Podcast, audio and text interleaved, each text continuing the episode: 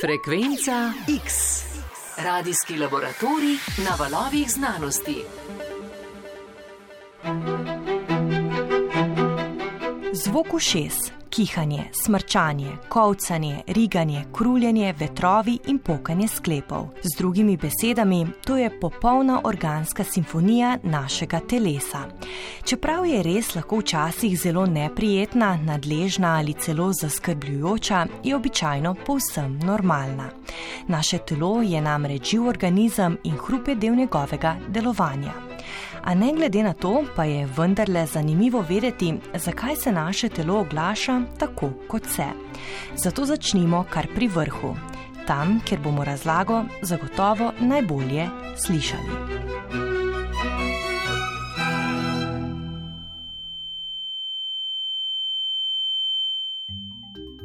Naša ušesa vse čas oddajajo tako komaj zaznavne zvoke, ki jim rečemo otoakustične emisije. In sicer imamo v notranjem ušesu, to je čutilo za sluh, tam je tudi sicer čutilo za ravnoteže.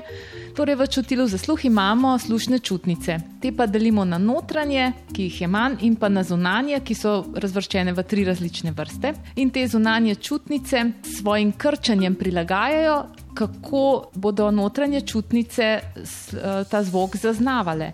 Torej, one lahko s svojim gibanjem naredijo eh, membrano bolj togo in potem bodo notranje čutnice zaznavale nekoliko tiše ta zvok, lahko pa naredijo membrano izredno podajno, da močno zaniha ob zvoku, ne ob tihih zvokih, takrat pa potem eh, notranje čutnice zaznavajo zvok bolj močno. In to krčenje no, zunanjih čutnic pravzaprav tudi proizvaja svoj zvok, ki se prevaja nazaj v srednje uho in tudi ven, in ga mi lahko celo nekoliko slišimo, z zelo občutljivimi napravami pa ga dejansko zaznavamo. Zdaj pa, če k temu spoznanju dodamo še glavnega dirigenta procesiranja in interpretiranja zvoka, naše možgane, pa lahko odgovorimo na še eno zelo zanimivo vprašanje. Nam je izdala specialistka otorinolaringologije Tanja Sokličko-Šak z klinike ORL v Ljubljanskem kliničnem centru. Zakaj torej svoj glas slišimo drugače, kot ga slišijo drugi? Tudi po kosti pride zvok do notranjega ušesa. Ne samo iz zunanjosti, po zraku, skozi zunanji sluhovod zaniha bobnič, potem slušne koščice ta zvok ojačajo in ga uh, prenesejo na notranje uho, s tem, da zanihajo tekočino, potem se pa vzdražijo čutnice. Zato tudi svoj glas slišimo nekoliko spremenjeno, ker se direktno iz grla, kjer se tvori, prevaja po tkivih in preide potem na kost, od tam pa tudi na notranje uho. In potem po slušnem živcu do možganov. Ja, vse je povezano, pa če zvok potuje po zraku ali pa pot najde po kosteh. Kakorkoli že, vrnimo se k našim ušesom in zvokom, ki jih te proizvajajo. Piskanje v ušesu ali pa šumenje, stuj kot tinitus, je izredno pogost pojav. In sicer gre za pretirano krčenje zunanjih čutnic, ki se krčijo tako močno, da proizvajajo dovolj močen zvok. Ta zvok slišimo predvsem, kadar ni drugih zvokov iz okolice, recimo, ko ležimo v posteli v tišini ali pa ko sedimo v tišini za računalnikom. Ta zvok se pa izredno močno ojača, kadar smo pod stresom. Razlog je ta, da potem naši možgani začnejo zaznavati ta zvok tinitusa kot nekaj škodljivega, kot nekaj bolezenskega, na to čustveno negativno odreagiramo in vzpostavi se nekakšna povratna zanka, zvok je samo še močnejši in nas še bolj moti ter vznemirja, na kar se še hujša čustva sprožijo ob tem in smo se našli v začaranem krogu. Tako da moč možganov je v tem, da ta krok prekine, da nas zvok tinitus neha motiti, da se sprijaznimo z njim in postopno ga ne bomo več slišali. Pa je mogoče, da so zvoki naših ušes tako glasni, da jih lahko slišijo tudi drugi okoli nas? V posameznih primerih pa je možno, ja, da tudi nekdo bi slišal piskanje ali pa pulzirajoč zvok, celo eh, ko se postavi pred našo uho. To je zelo izredno redko, to je v posameznih primerih, večinoma bolezenskih stanjih. Naprimer, slišali bi utripanje, kadar gre za kakšno žilno spremembo v ušesu in je tam prekrvavitev izredno poudarjena ali napačna, da se kri vrtinči. Včasih se v ušesu razvijajo tako imenovani glomus tumori. Ki so sicer benigne narave, vendar tam se kopiči velika količina krvi in se pretaka. Res, samo ušesa so nas. A ker je toliko zanimivih podatkov še zapovedati, obljubimo, da boste imeli k malu poln tudi vaš nos.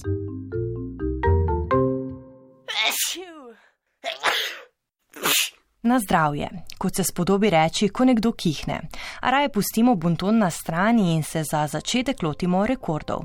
Ali ste vedeli, da je najdaljše neprekinjeno kihanje po Guinnessovi knjigi rekordov trajalo kar 978 dni skupaj? Ja, rekord je septembra 1983 postavila Britanka, ki je pričela kihati januarja 1981. No, mi v današnji frekvenci X ne bomo postavljali novih rekordov v kihanju ampak bomo o njem le govorili. Kihanje je pa refleks očiščanja naše dihalne poti. Uh, včasih lahko kihanje izvira iz draženja sluznice v nosu, lahko pa tudi draženja sluznice v grlu ali še niže. In sicer telo zaznava draženje kot nek tujek v dihalih, ki ga je potrebno čimprej in to dobro odstraniti.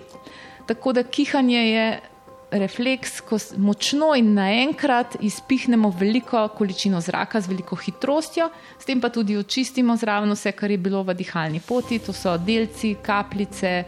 Prah in tako naprej. In čeprav ljudje kihamo različno, v notranjosti telesa pri vseh poteka enak proces. Eh, ko se vzdražijo receptori eh, v dihalih, se potem na nezavedni ravni prenese to na mišice dihal, ki niso pod vplivom naše volje, da se močno, močno naenkrat vse skrčijo, predvsem prepona in pa vse eh, te medrebrne mišice, in naenkrat zelo močno potisnejo v zrak iz pljuč. Najprej mora ostati grlo še zaprto, da se sploh lahko vzpostavi primeren pritisk, potem pa se sunkovito odpre uh, in kihnemo ven takrat, kadar je še dodatna zapora v zgornjih dihalih, takrat se vzpostavi v pljučih še večji pritisk, tako da bo hitrost kihanja še večja in še um, tok zraka še močnejši. In zanimivo pri COVID-ni bolezni so ugotovili, da so pa taki ljudje, ki imajo še zaporo v zgornjih dihalih, tako imenovani super sprederi aerosola. Ne, če so okuženi, torej tudi super sprederi virusa. Zapora v zgornjih dihalih je pa recimo zamašen nos, zaradi, kaj se ve, mogoče polipov, kot je kronično vnetje v nosu, ali pa kakšna anatomska deformacija. Zapora v ustih so pa zobje, ki so tesno eden ob drugem in popolni, da ni brez zoba čeljust, da ni manjkajočih zob in tako naprej. In če se sprašujete, koliko znaša hitrost kihanja, mi že poznamo odgovor. Kot nam je že v naši rubriki Radiovedni odgovorila Tatjana Robič-Pikel z Biotehničke fakultete v Ljubljani, hitrost kihanja lahko znaša tudi med 150 in 160 km/h. To hitrost pa bi lahko celo primerjali s hitrostjo poprečnega tornada v Ameriki. Kako pa je potem z glasnostjo? Zvok se pa pojavi takrat, kadar se grlo ne odpre popolnoma, ampak samo mečkeno, ne, tako da glasilki še vseeno lahko zanihata, ko sta približena eni drugi. Torej, če tok zraka že nekako udari ob glasilki, takrat, ko sta oni dve še stisnjeni, potem glasilki zanihata in pojavi se glas. Ne. Če je pa grlo že mečkam prej odprto, preden ta hiter tok zraka pride do njega, potem pa zvoka ni ampak ne ustavimo se le pri kihanju, naš nos obvlada še druge zvoke. Nos si lahko predstavljamo kot eno zvočno cev, podobno flauti, eh, in če so na nekaterih delih zožitve, lahko se tam hitrost zraka izredno pospeši in se s tem tudi spremeni frekvenca zvoka, ali pa se pravzaprav pojavi nihanje v tem našem slušnem območju. Tako da pri nekih zožitvah lahko celo pride do piskanja, kar vse človek zaznava kot neprijetno. Ja, dejansko pri neprehodnem nosu lahko nekateri slišijo v sebi šumenje, kot da bi šumel veter. V določenih situacijah lahko pride tudi do luknjice na nosnem hrustancu, na nosni pregradi, ki jo spredaj tvori hrustanec, zadaj pa kost. Nastane lahko po operacijah, če pride do kakšnih, do, do slabšega celjenja sluznice lahko pa tudi to vrstnih poškodbah, da nekdo vse čas vrta z, nos, z prstom po nosu ali pa drgne z robčkom po hrustancu in čez leta in leta se lahko pojavi celo luknjica. In skozi luknjico se potem tvori piskanje, ne, kot v flauti.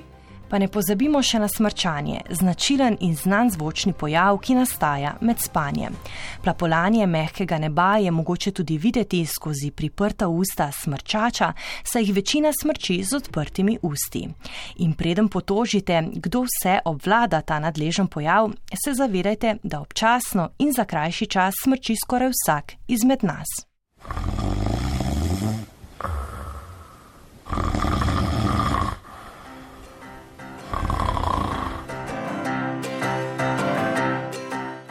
No pa da ne bomo zaspali, predlagam, da prebavimo še nekaj zanimivih informacij. In zvoke prebavnega sistema zelo dobro pozna gastroenterolog Darko Sivka. No, prebavna cev je sklop cevastih organov, v prehodu hrane, tekočine in pa plino pride do zvokov podobnih kot pri vodovodnem eh, sistemu. Če jih na hitro naštejemo, naprimer spahovanje je sinonim za riganje, eh, kovcanje ali po latinsko singultus, kruljenje želodca, nekako krčenje želočne muskulature pred novim obrokom, eh, borborigmi, pretakanje eh, tekočine in pa plinov po tankem in debelem črvesu, eh, in pa nekateri drugi. Pa če začnemo na začetku prebavnega trakta, torej riganje oziroma spahovanje je posledica česa? Spahovanje je dejansko posledica odvečnega zraka v želodcu in je najpogosteje posledica aerofagije, to pomeni požiranje zraka. Um, najpogosteje pride do tega pojava, ko ljudje med hranjenjem govorijo in hkrati za hrano požirajo tudi zrak, pride do večje količine zraka v želodcu, ki pritiska na zgornji del želodca, ki mu rečemo fundus in pakardija, sproži relaksacijo spodnjega požiralnikovega sfinktra in pride do uhajanja tega zraka potem v požiralnik in v usta. In včasih so potem prisotni tudi zvočni fenomeni. Kaj pa se dogaja v našem telesu, ko kovcamo? E, kovcanje je tudi tak poseben fenomen, z latinsko besedo imenujemo singultus. Do kovcanja pride pa dejansko ob draženju e, žilčnih končičev, ki so povezani z um, možganskim živcem, um, ki mu rečemo vagus ali po slovensko um, klatež, ki potem um, bodi si o pritisku na te končiče, draženju zaradi različnih toksinov, kot so tudi lahko alkohol, nikotin ali pa pritisk zaradi tumorja, pride potem do draženja teh končičev in posledično do krčenja uh, diafragme, prepone preko uh, freničnega živca. Če je naprimer kratkotrajno kovcanje, je to vsak pozna naprimer ob hranjenju, ob lahko prenajedanju, tudi če spijemo kako zarček preveč in podobno. Je to kovcanje kratkotrajno. Če pa traja več kot 48 ur, govorimo o persistentnem kovcanju in lahko znak resne bolezni. Tako da, če traja dlje časa, je potrebno to kar raziskati. Ne? Včasih se lahko v ozadju skriva tudi kakšen tumor požiralnika, ključni tumor in podobno.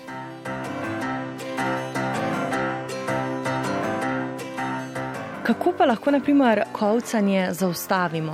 Če ste gledali Kovca moža, risanko izpred 20-30 let, je metod veliko. Ampak ena od tega je tudi valsavin manever, naprimer, da globoko vdahnemo zrak ali pa pihamo skozi eno tako tanko slamico. In Britanci so celo patentirali slamico za preprečevanje ali za ustavitev kovcanja, ampak ni potrebno plačevati ne vem kaj, vzajmite navadno slamico in pihate skozi njo minuto, dve in kovcanje verjetno se bo zaustavilo. Včasih pomaga tudi zaužitje eh, nekaj požirkov tekočine in podobno. Ne?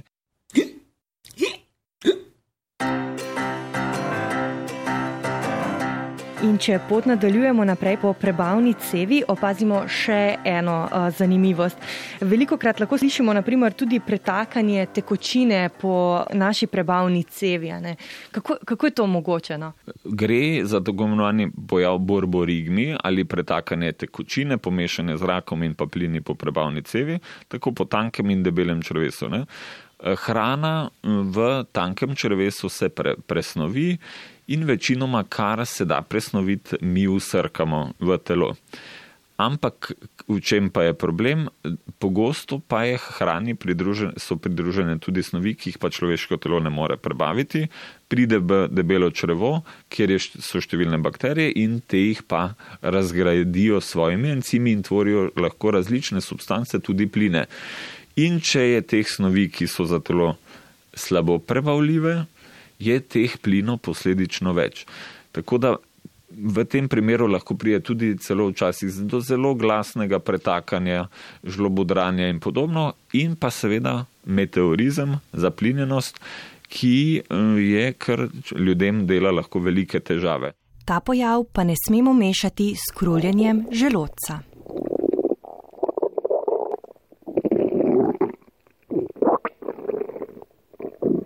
Večinoma pretakanje po trebuhu eh, izvira prav iz eh, tankega in pa večinoma iz debelega črevesa. Kruljenje želodca je pa drug pojav zaradi tega migratornega motoričnega kompleksa, ki nastopi na nekaj ur, da še karkoli v želodcu poskuša želodec sprazniti pred novim obrokom. To pa so zvoki premikanja gladkih mišic, ki vsebino, tekočino ali pa tudi v kakšnem določenem času pline potiskajo naprej po prebavni cevi. Temu pa lahko rečemo želočno klokotanje.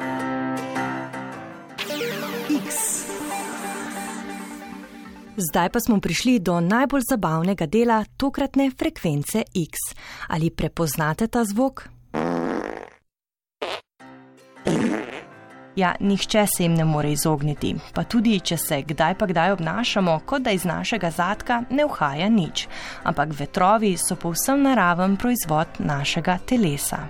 No, vetrovi pa nastajajo dejansko z metaboliziranjem um, snovi v prebavni cevi strani bakterij. Ne nastaja zrak, ampak nastaja dejansko mešanice plinov, tako oglikov dioksid, metan, vodik in podobno pa ne samo plini, tudi naprimer kratkoverižne maščobne kisline, druge kisline in podobno. Zakaj pa nas napenja, torej, da pride do vetrovov? Kakšni so razlogi? Vsekakor je v prvi vrsti eh, zakriviti kvaliteto in pa obseg hrane. Naprimer, če je več snovi, ki jih človeško telo ne more presnoviti, bo več vetrov. Naprimer, zelo tipično je po stročnicah, ki vsebujejo določene substance, ki jih človeško telo ne more razgraditi, bakterije jih pa lahko, naprimer ob stanjih, kot so intolerance na hrano, naprimer laktozna intoleranca, ki ni encima, ki bi mlečni sladkor presnovil, bakterije pa se zelo ga razveselijo in tvorijo različne pline. Zakaj pa imajo vetrovi neprijeten von? Vetrovi so iz različnih eh, sestavin najbolj iz vodika, metana in pa tudi oglikovega dioksida in različnih drugih plinov, ki so manj pogosti. Včasih tudi iz žveplovih spojin, ki imajo von po gnilih jajcih. Naprimer. Intenzivnost vonja je pa odvisna prav te, od te sestave eh, posameznih um, plinov v vetrovih. Najpogosteje od različne sestave bakterij v debelem črevesu in pa tudi od zaužite hrane. Vetrovi spremljajo tudi marsikatero živalsko vrsto, ne samo ljudi, ampak mi pa smo edina živa bitja, ki nas vetrovi dejansko lahko spravijo v hudo zadrego. Ja, eni ljudje se pogosto, sploh v tem sodobnem času, srečujejo z nadležnim meteorizmom, napihovanjem, tudi glasnim pretakanjem, ampak to je večinoma um, posledica sodobnega načina življenja in hrana v sedanjem času je izredno procesirana.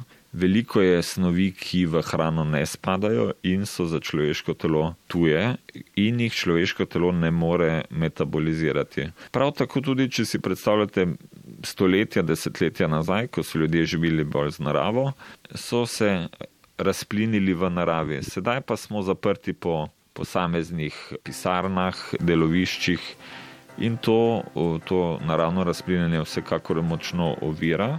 Kar pa je tudi pogost razlog za težave.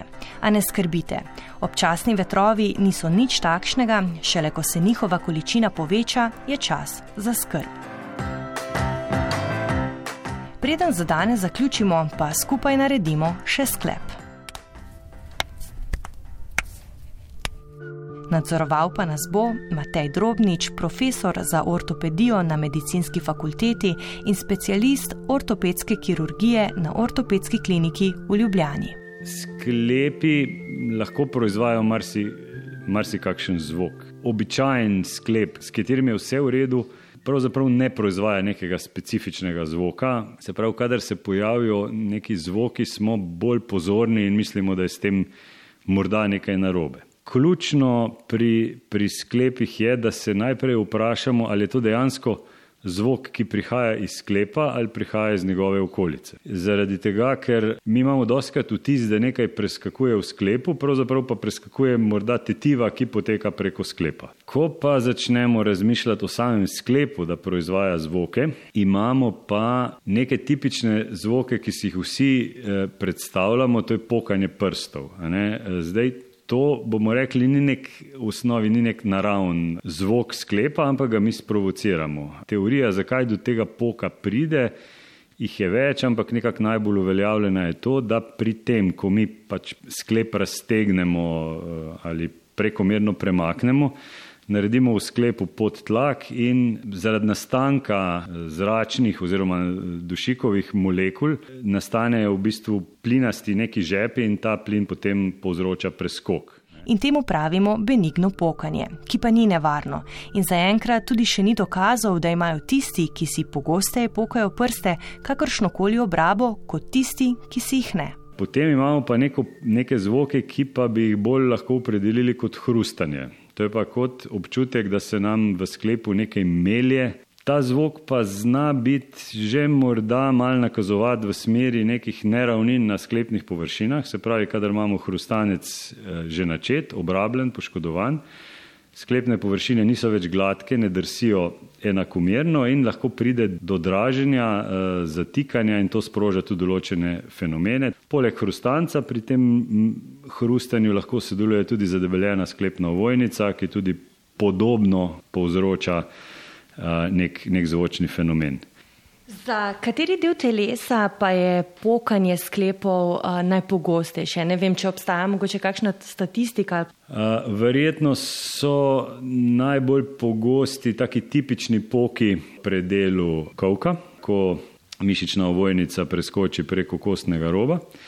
E, naslednja regija, ki je precej pogosto zvočno aktivna, so pa kolena. E, e, posebej ta sprednji pogačični del ker je, moramo vedeti, pogačični del kolena tudi eden tistih, ki je najpogosteje obrabljen in se zelo zgodaj začnejo neka, neka nelagodja, tudi zvočna, uh, ki pa jih seveda potem opredelimo, ali je to kaj pomembnega ali ni. Nekje sem tudi prebrala, da imajo ljudje, ki pogosto pokajo s prsti, nekoliko manj, manj močan prijem. Zdaj ne vem, a to je res, a to je sem tak mit. Če je morda merjena groba moč takoj po poku prstov, bi to bilo nekako povezano, ker pri tem poku se seveda sklepi nekako eh, spravijo v svojo nečist običajno lego, morda rahlo utečejo in zaradi tega je celoten grobi stisk zmanjšan, ampak da bi to dolgoročno eh, karkoli nakazovalo, pa, pa nimamo podatkov. Nič za to, saj smo ogromno danes povedali že vsi. Zato za konec lahko dodamo le še to, poslušajte svoje telo, a ne ignorirajte možganov. Frekvenca X.